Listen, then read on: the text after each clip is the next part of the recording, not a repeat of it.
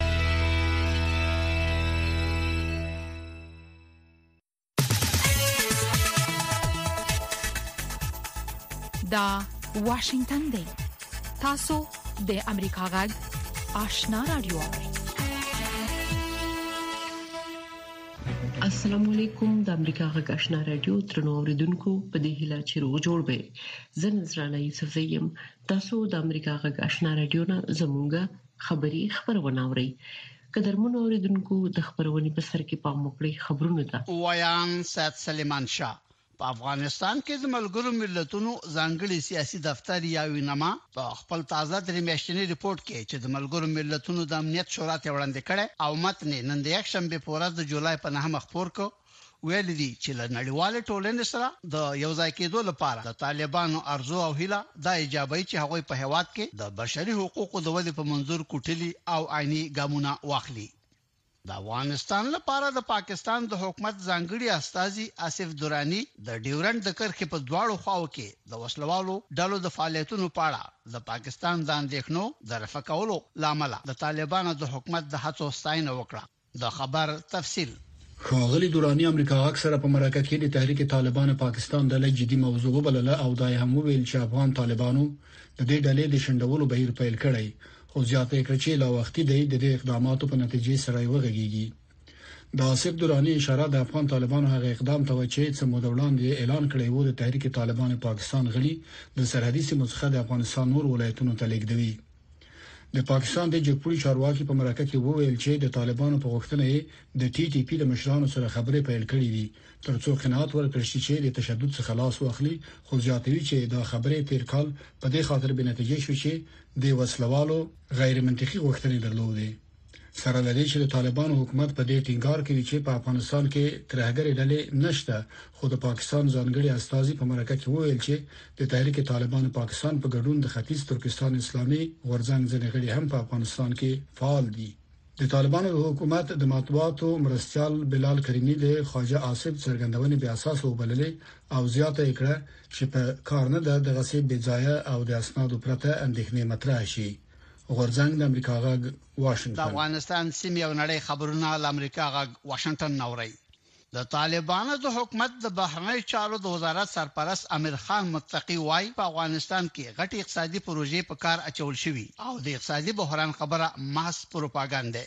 له بلې خوا د کانونو او پټرولیم وزارت وايي چې د امو د سیند له کاسې نه د سرپل ولایت د قشقري د څاګانو د خامو تېلو راویستل پیل شوي دي. د دغه وزارت سرپرست شهاب الدین دلاور دا عملیات د طالبانو د حکومت یو فوق العاده مهم ګام وباله. د طالبانو د حکومت د کورنیو چارو وزارت وايي چې پولیسو د مخدره موادو په خلاف په جلا جلا عملیاتو کې د غور په ولایت کې پنځه فابریکې ړنګې کړې دي او اته کسان یې نیولي. همداراز پولیسو په سمنګانو کې هم څلور زره کیلوګرامه مخدره مواد ونیول. دا واشنګټن دی. په داسې حال کې چې د متحده ایالاتو حکومت د جمعې په ورځ اعلان وکړ چې د یوکراین پوځ ته د کلسټري یا خوشهيي بمونو د لېږلو پلان لري، توقع ده چې بله اونۍ به په لیتوانیا کې د ناټو مشران په خپله عالي غونډه کې په دغه نظامي تړون کې د اوکراین د شمولیت پر امکاناتو غور وکړي. جمهور جو بایډن هم په دغه سرمشریزه غونډه کې برخه اخلي. سوډاني چارواکي وايي په یو هوایي برید کې چې د امدورمان په بندري ښار کې وشو لږ تر لږه دوه ویشت کسان وژل شوي دي. د چین د دولتي تلویزیون د رپورټ سره سم دغه هېواد په ختیځ کې په یوه غرنۍ علاقه کې په یوه کلي کې د ځمکې له ښویدو وروسته نن د یکشنبې پر ورځ هم د اور وژنې د عملې پولیسو، طبي کارکوونکو او جیولوجیکي ماهرانو په ګډون د نجات او ژغورنې عملیات روان وو. نهه کسان ورک دي. د متحده ایالاتو د خزانې وزیره مېرمن جینټ ایلن چې چین ته په یوه څلور ورځني سفر تللې وه، نن د یکشنبې په سهار یې په بیجینګ کې په یو خبري کانفرنس کې اعلان وکړ چې د یو سفر په دوران کې د دواړو هیوادونو ترمنځ موجود ټول چیلنجونه حل کېدای نشي د امریکا د بهرنۍ چارو د وزارت د ملکی امنیت دیموکراسي او بشري حقوقو د چارو سکرټره مرمن عذرا ضیا په دې ونه کې هند او بنگلاديش ته پر رسمي سفر ځي ټاکل شوې چې نوموړي به مامورانو او د مدني ټولنې له استازو سره د اقلیتونو د ستونزو، بشري حقوقو او بیان د ازادۍ په اړه خبرې وکړي. د شنبې په ورځ په لسګونو زره اسراییلیان د اوویشتمې اونۍ لپاره په مسلسل ډول د صدراعظم بنیامین نیتنیاهو په مشرۍ د خلاص ائتلافي حکومت د هغه پلان د غندلو په غرض په تلابیب کې راجمع شوي چې د موجوده قضایي نظام د بدلولو په منظور یې په پام کې نیولی په داسې حال کې چې په کمبودیا کې د جولای په درویشت مه د ملي اسمبلۍ لپاره انتخابات کېږي او اتلس ګوندونو ځانونه راجستر کړي، توقع ده چې د صدراعظم هون سن په مشرۍ د کمبودیا د خلکو واکمن ګوند به دا ځلې هم ټولې چوکۍ وګټي. نړیوالو سازمانونو دا انتخابات کاذب بللي دي او د نصرت احمدیار په نوم یو دېرش کلن افغان چې په افغانستان کې له امریکایي ځواکونو سره څو کاله کار کړی او په دې اونۍ کې په واشنګټن ډي سي کې غلو وویشت د شنبې په ورځ د ورجینیا په ایالت کې خاورو ته وسپارل شو د خبرونو پای د امریکا غږشنا رادیو درنو اوریدونکو تاسو خبرونه واوریدل په موکړی زمونږ د خبرونې لومړی رپورټ ده. د طالبانو حکومت د کانونو او پټرولیم وزارت چارواکي وايي چې د امو د سیندیزې حوزې د تیلو د یو څاه نه د تیلو ایستل پیل شوي او اوس مهال د ورځې اویا ټنه تیل ترې ایستل کیږي. د دغه وزارت سرپرست وايي چې په دغه حوزه کې اووه اتیا میلیونه بیرلو تیلو د ذخیرې اټکل شوی دی. د تیلو د ایستلو تړون د یو چینایي شرکت سره شوی. پام وکړئ د اکرام شینواري دې رپورټ ته. د طالبانو د حکومت د کانونو او پټرولیم وزارت سرپرست مولوی شهاب الدین دلاور د یکشنبې په ورځ کابل یو خبري کانفرنس ته په وینا کې د افغان او چیني پانګوالو د یو ګډ شرکت لخوا د امو د سیندیزې حوزې څخه د تیلو د ایستلو د بهیر په اړه خبریالانو ته معلومات ورکړ او ویل چې اوس مهال د سرپل ولایت د کشکری د سیمې د ویشتم سا څخه د تیلو ایستل پیل شوي چې د ورځې تر اویا ټنو پورې تیل ترې ایستل کیږي یک چا کې ما روز جمعه افتتاح کردیم استخراج نمی یک چا حداقل از افتاد تن روزانه شروع می شود آستا آستا از یک ست تن بالا می شود از یک چا تا پنج جنوری انشاءالله شارده چا دیګه به ای مقدار دیګه فعال مې شوه. د طالبانو حکومت د روان کال د جنورۍ په میاشت کې د یو چیني او افغان ګډ شرکت سره د امو د سیندیزې حوزې د تیلو د ایستلو تړون د پنځه سوه او څلوېښت میلیون ډالرو په ارزښت لاسلیک کړی و. د کانونو او پټرولیم وزارت سرپرست مولوي شهاب الدین دلاور خبریالانو ته وویل چې د راروان دوه زره څلوېښتم کال د جنورۍ د میاشتې تر پنځمې به په دغه حوزه کې د شپاړسو د تیلو څاګانو څخه په همدومره ظرفیت د تیلو د ایستلو بهیر پیل شي. د قرارداد موده پنځه ییز کاله ده، اول کال یې ازمایشي ده، امتحاني ده، په دا اول کال کې به دوی ټول تعهدات د اول کال پوره کوي، که یې پوره نه کړ دا ورسره فسخه کیږي، درې کاله کې به دوی اکتشاف کوي، دغه کال هم د اکتشاف ده، دویم کال هم د اکتشاف ده، دریم کال هم د اکتشاف ده، درې سوه کیلومتر مربع به دوی اوس سروې کوي. چې په کوم ځای کې برمې د څاګانو لپاره ووهل شي همدا شان طالبانو د حکومت د قانون او پېټرولیم وزارت سرپرست ویل چې وروسته د 250 کلونو د شبرغان څخه تر مزار شریف پورې د غاز د نلیکې د غزولو کار هم تیر ورځ پیل شوی دی دا له شبرغان شروع کیږي کو د برق د مزار شریف تر رسیدي د دې مخکې یو پپلای 250 کال مخکې 52 سال پیش یک پپلاین دیګه یې تیر شو دا په کو د برق هغه اوس ډیر زوړ سوی ده ضایعات لري ظرفیت هم کم ده نو اوس د شپږ سوه او نهه میلونه افغانۍ د دې لپاره په بودیجه کې تخصیص ورکړل سوی ده. افغانستان کې واک ته د طالبانو د بیا رسیدو وروسته یوازې چین په دغه هیواد کې تر اوسه د امو د سیندیزې حوزې د نفتو د ایستلو او چاړولو په برخه کې د پنځه سوه او څلوېښت میلیون ډالرو پانګونه کړې. د اقتصادي چارو ځینې افغان کارپوهان وایي چې د افغانستان روان وضعیت ته په پاملرنې د چین په ګډون یو شمېر هیوادونه غواړي چې یوازې د لنډې مودې پروژو کې پانګونه وکړي د اقتصادي چارو یو کارپوه روح الله احمدزی وایي چې د چین په ګډون اکثره هیوادونه د افغانستان د راتلونکي په اړه د اندېښنو لامل په دغه هیواد کې د اوږدې مودې پانګونې ته زړه نه ښه کوي زه فکر کوم دا به یو لویه تیروتنه یی د دغو هیوادونو چی په داسی شرایطو کی له موقعیت نه په ګټی پورته کولو څخه دوی وغواړی پانګونه وکړي او د افغانستان طبیعی زیرمی او هغه سرچینی چی د خلکو مالکیت ده او په حقیقت کی د خلکو د عام د عامه ګټی لپاره د خلکو لپاره باید دا حساب ورکونه ولري د دغسی پروژو په برخه کی د سیمې د هیوادونو پانګونه او له موقعیت څخه بیا هم سوء استفاده چې دوی زر ترې ګټه پورته کړي دا په آینده کې به له دوی سره حساب او کتاب خامخا کیږي. دغه چینايي شرکت د تېلو د اوسا څخه د تېلو د ایستلو دا بهیر په داسې حال کې پیل کړی چې د طالبانو حکومت په راروانو اوونیو کې د چینايي او افغان پانګوالو د یو ګډ شرکت له خوا د برېښنا، سیمنټو او روغتیا سکټور کې د درې سوه او پنځوس میلیونو ډالرو د نوې پانګونې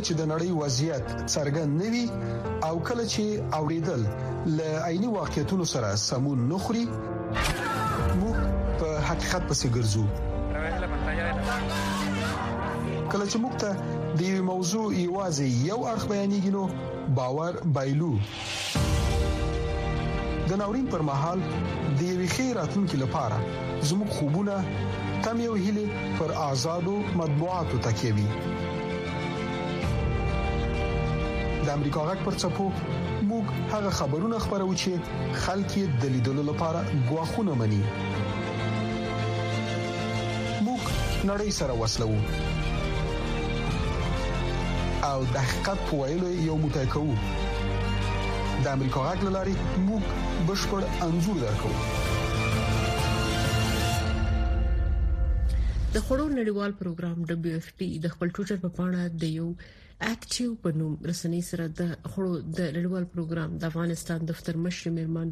شاوی لی مرکه خبره کړې چې باغې کې ویل چې 10 میلیون افغانان د سخت لوګي سره مخ دي خو ملګری ملتونه ورسره د مرستې لپاره پیسې نه لري پام وکړئ د رپورت ته د خړو نړیوال پروګرام دبليو اف پی نن د خپل ټوئیټر په باندې د یور اکټیو په نوم رسنۍ سره د خړو د نړیوال پروګرام د افغانستان د دفتر مشر میرمن شاو او بیلی مرکه خبره کړې چې په هغه کې دی ویلي چې لس میلیونه افغانان د سختې لوږې سره مخ دي خو ملګري ملتونه ورسره د مرستې لپاره پیسې نه لري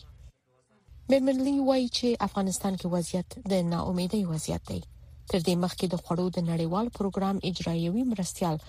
کارل سکاو د امریکا غږ سره په مرکه کې ویلي چې په افغانستان کې په هر لاسو کورنیو کې نه هي د دې وسنه لري چې ځان ته پوره خواړه پیدا کړي زه د کابل او پروان ولایتونو ته ولاړم شاری او کلیوالي سیمې می وکتلې فکر کوم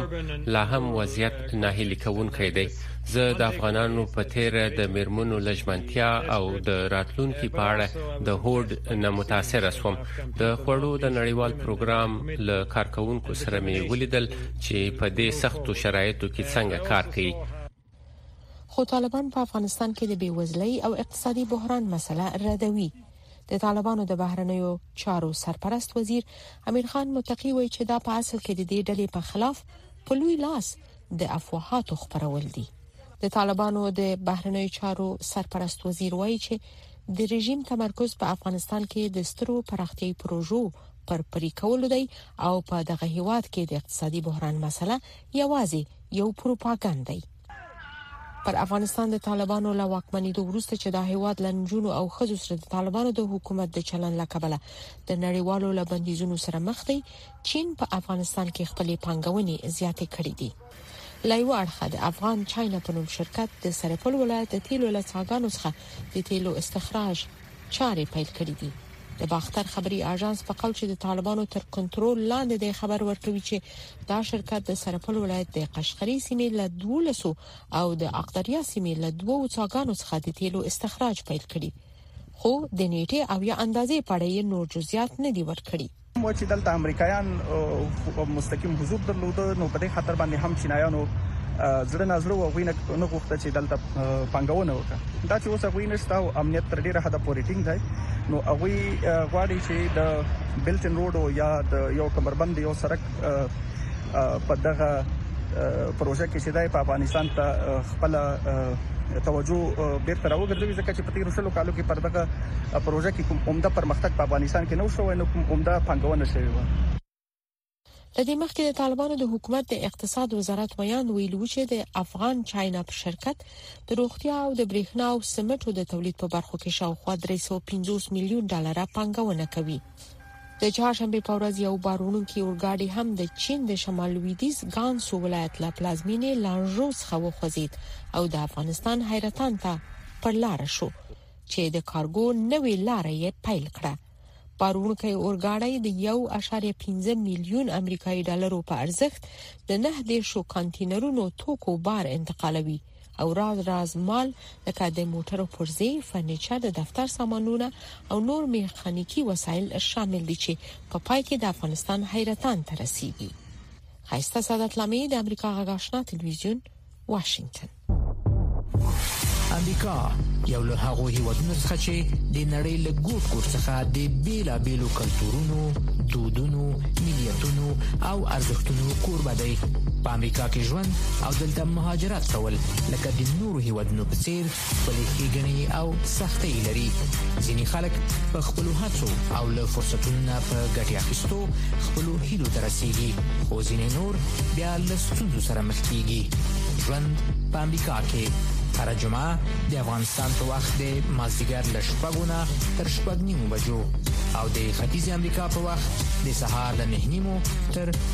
تاسو بجو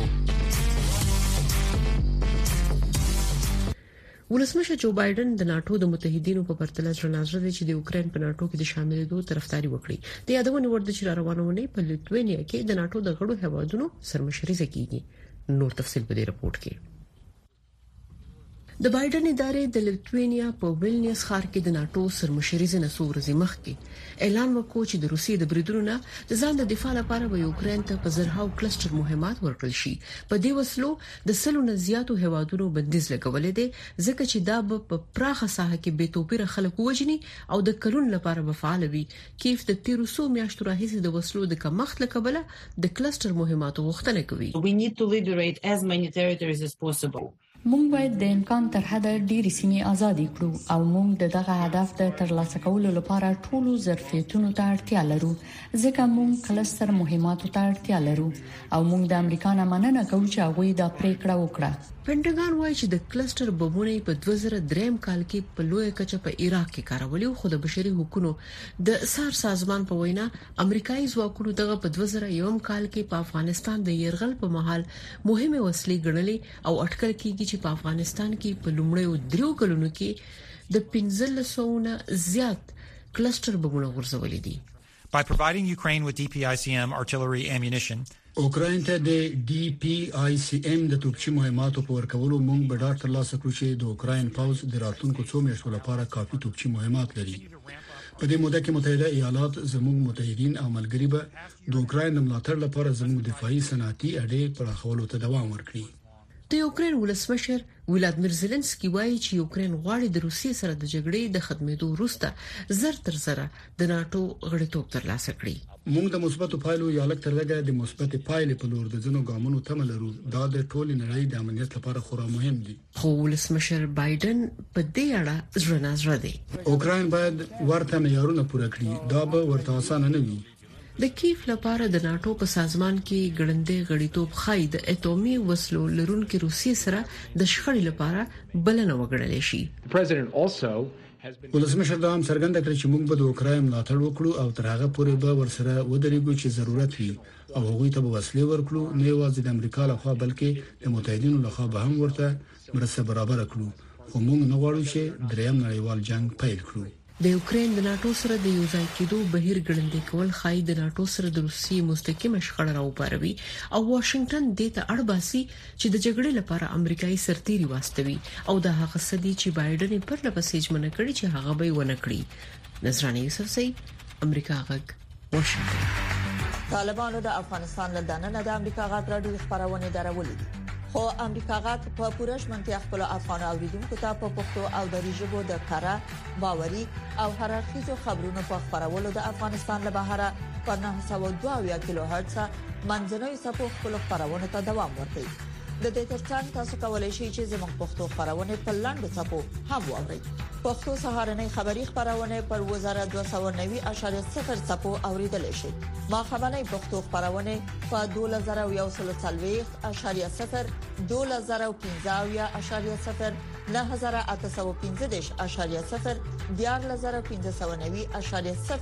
میګا هرټز لاندو چپو اوریدل شي سپینه خبره یا رکو را خبرونه په لاندو چپو 2015 او یا 0 میگا هرتز د نن او وضعیت یا روایت امروز خبرونه په لاندو چپو 2041.0 9915.0 2015.0 او ساسغت یا صداي شما خبرونه پر لاندو صفو 2513.0 9315 میگا هرتز اوریدل شي د کډوالو په چارو کې د ملګرو ملتونو عالی کمشنري یو ان ایچ سی آر په تازه راپور کې لیکلي چې د افغان مهاجرو شمیر تیر کال لا پسې زیات شوی دی چې په دغه کې زیاتره ګاونډي ملکونو پاکستان او ایران ته تللي خو په پاکستان کې پولیسو د افغان کډوالو نیول او بیرته لیګل پیل کړی دی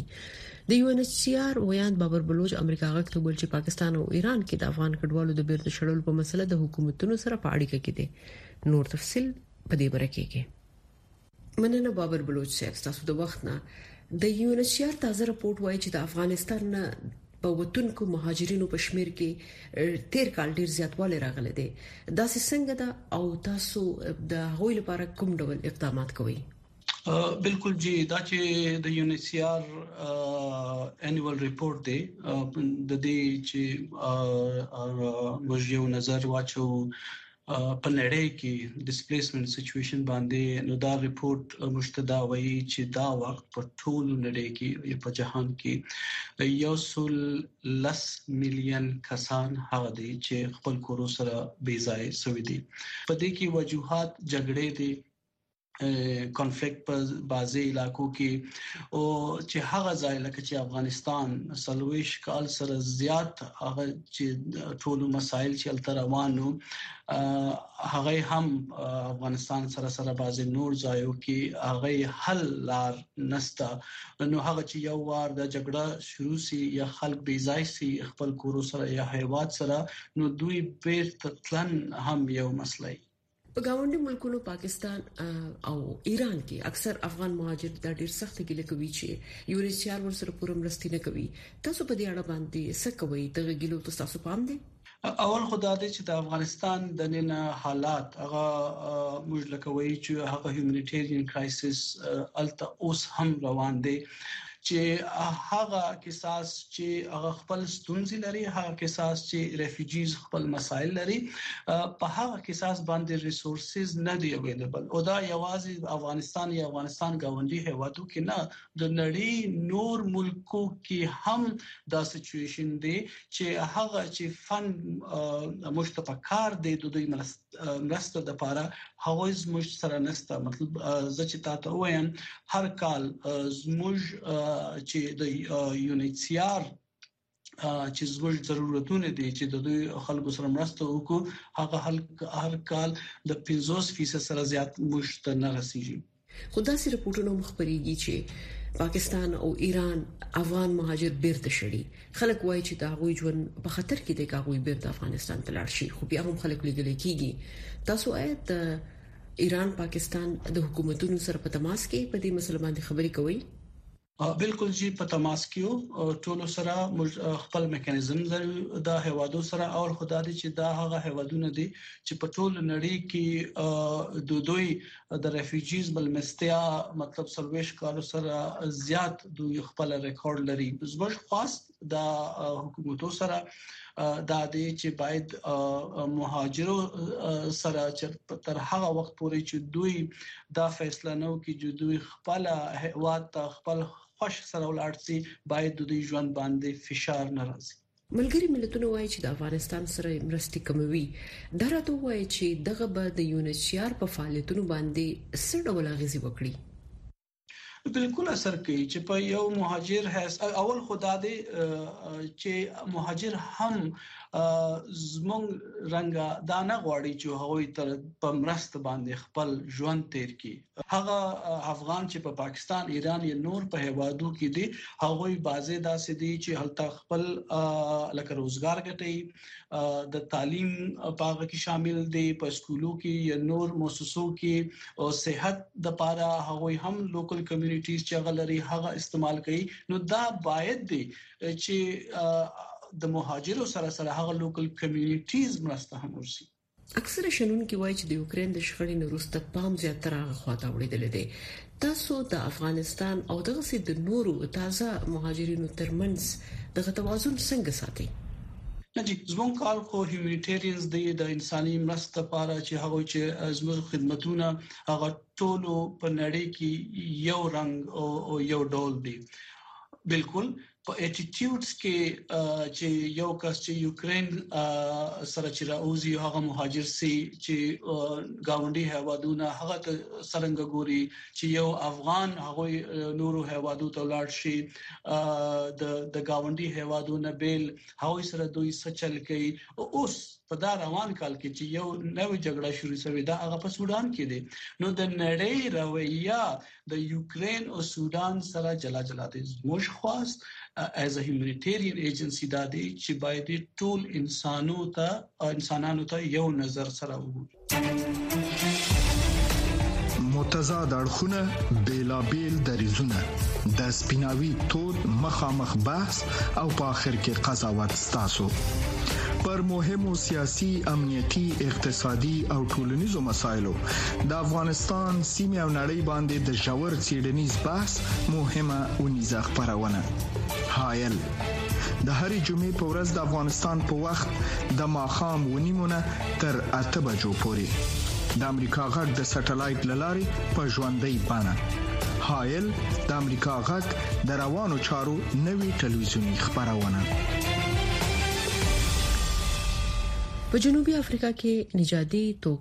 پالنه دیرش کال مخکې ختمه شو خو دغه هواد تورپوستي خلک لا هم هڅه کوي چې په ډیرو معتبرو او تجملي سپورتونو لکه د ګرمي هوا بالون سپورت کې شامل شي په موکړې دی رپورت ته کمانی هرول ټي ټي جین خپل ورځنی کار ته تیاری نیسي د شلو کلونو نه زیات وخت کیږي چې ټي جین د بالون د ټولنې په مرسته د هغو خندونو د لری کولو هڅه کوي چې تورپوستان په جنوبي افریقا کې ورسره د هات ایر بلون د پیلوټي په چار کې مخ دي کله چې زه په دغه سپورت کې شامل شوم دا لومړنی پرواز و چې زه ډیر متجسس کړم ځکه مخکې تر دې زه هیڅ نه پوهیدلم چې ګرمه هوا د دومره شیان پورته کړای شي او ډیر زیات خلک د یو وړل شي زه د دې کیمیاوي جریان قوت حیران کړی وم او بیا وروسته د خلکو خوشحالي او زه ډیر خوشاله ولم او ما غوښتل چې د داسې خلکو د ډلې څخه یو کس ووسم چې نور خوشاله وي ځکه زه داسې احساس کوم چې چیرې په نړۍ کې خوشحالي وي نو دا جهان د ژوند لپاره بهترین ځای دی د هات ایر بلون د تجارتي پیلوټۍ لپاره باید یو کس 30 ساعته پرواز کړی وي چې لایسنس یا جواز واخلي چي هند په خپلو ټولو امتحانونو کي کامياب شوی دی او څلوېښت ساعته پرواز يې کړی دی، يوې کمپنۍ سره په رضاکارانه ډول کار کوي. د شپېتو ساعتونو د پرواز د پوره کېدو نه وروسته به وکړی شي چي تجارتي لایسنس او معاش ولري او خلک به پرواز ته وړي راوړي. د جنوبي افریقا د بالون او هوایي بیړۍ د فدراسیون رییس ریچارډ باول وایي، د پرواز د ساعتونو بیه ډېره زیاته ده او په خنډونو کې یو خنډ همدا دی چې څوک لایسنس نشي اخیستلی. دا د لوړ قیمت، د بالون او ګازو په مصارفو پورې اړه لري. له بده مرغه ګاز د پټرولو د بیې سره ارتباط لري، نو څنګه چې موږ ټول پوهېږو دا بیې هم حتماً لوړېږي او ټیټېږي. هو بلکل د دې ذوق قیمت زیات دی ما مخکې هم وویل چې د دې لپاره باید سړی ټول امتحانونه تیر کړي چې یو پکې طبي معاینات او ځینې نور معاینات دي چې شاګرد پیلوټان باید پوره کړي ټیجن ته د لایسنس د اخیستلو امکانات د دې فدراسیون او د بالون د ټولنې د ملاتړ په وسیله برابر شوي دي دوی ورته بلون ورکړو چې پروازو کې او لازم ساعتونه پوره کړي حکومتي پور اخیستو کې ورسره کومک وکړو چې لایسنس واخلي پیلوټ مارک نوتال په دې باور دی چې د ټیجن حوصله او مقاومت هغه د ته چمتو کړو چې یو استثنایی پیلوټ شي یقینا ته باید د هوا د حالاتو ټول شرایط ولولې خپل ټول وسایت لزان سره واخلې او عمله دې در سره وي ته باید د اطمینان حاصل کړې چې هر څه سم دي تر دې وروسته چې پرواز وکړو په خپل پوهیږي څه وکړي ته پوهیږي چې شرایط بيخي هغه څه نه دي لکه چې پیشبینی کیږي ته باید ورته تیار ووسی چې څه وکړي ته باید په خندنۍ چیرې د سختو حالاتو سره مقابله ته تیار ووسی چې سهار شي ټیجن په ډیر متانت پرواز کوي او د جنوبي افریقا د هرې طبقه او ټولو خلکو د هیلو او ارمانونو روحیه تقویه کوي زیبا خادم امریکا غږ واشنگتن قدرمن اوریدونکو تاسو د امریکا غږ آشنا رادیو نه زموږه خبری خبرونه واوریده موږ تاسو نه په دې اجازه غواړو چې خبرونه به اوریدلې وي د خوده په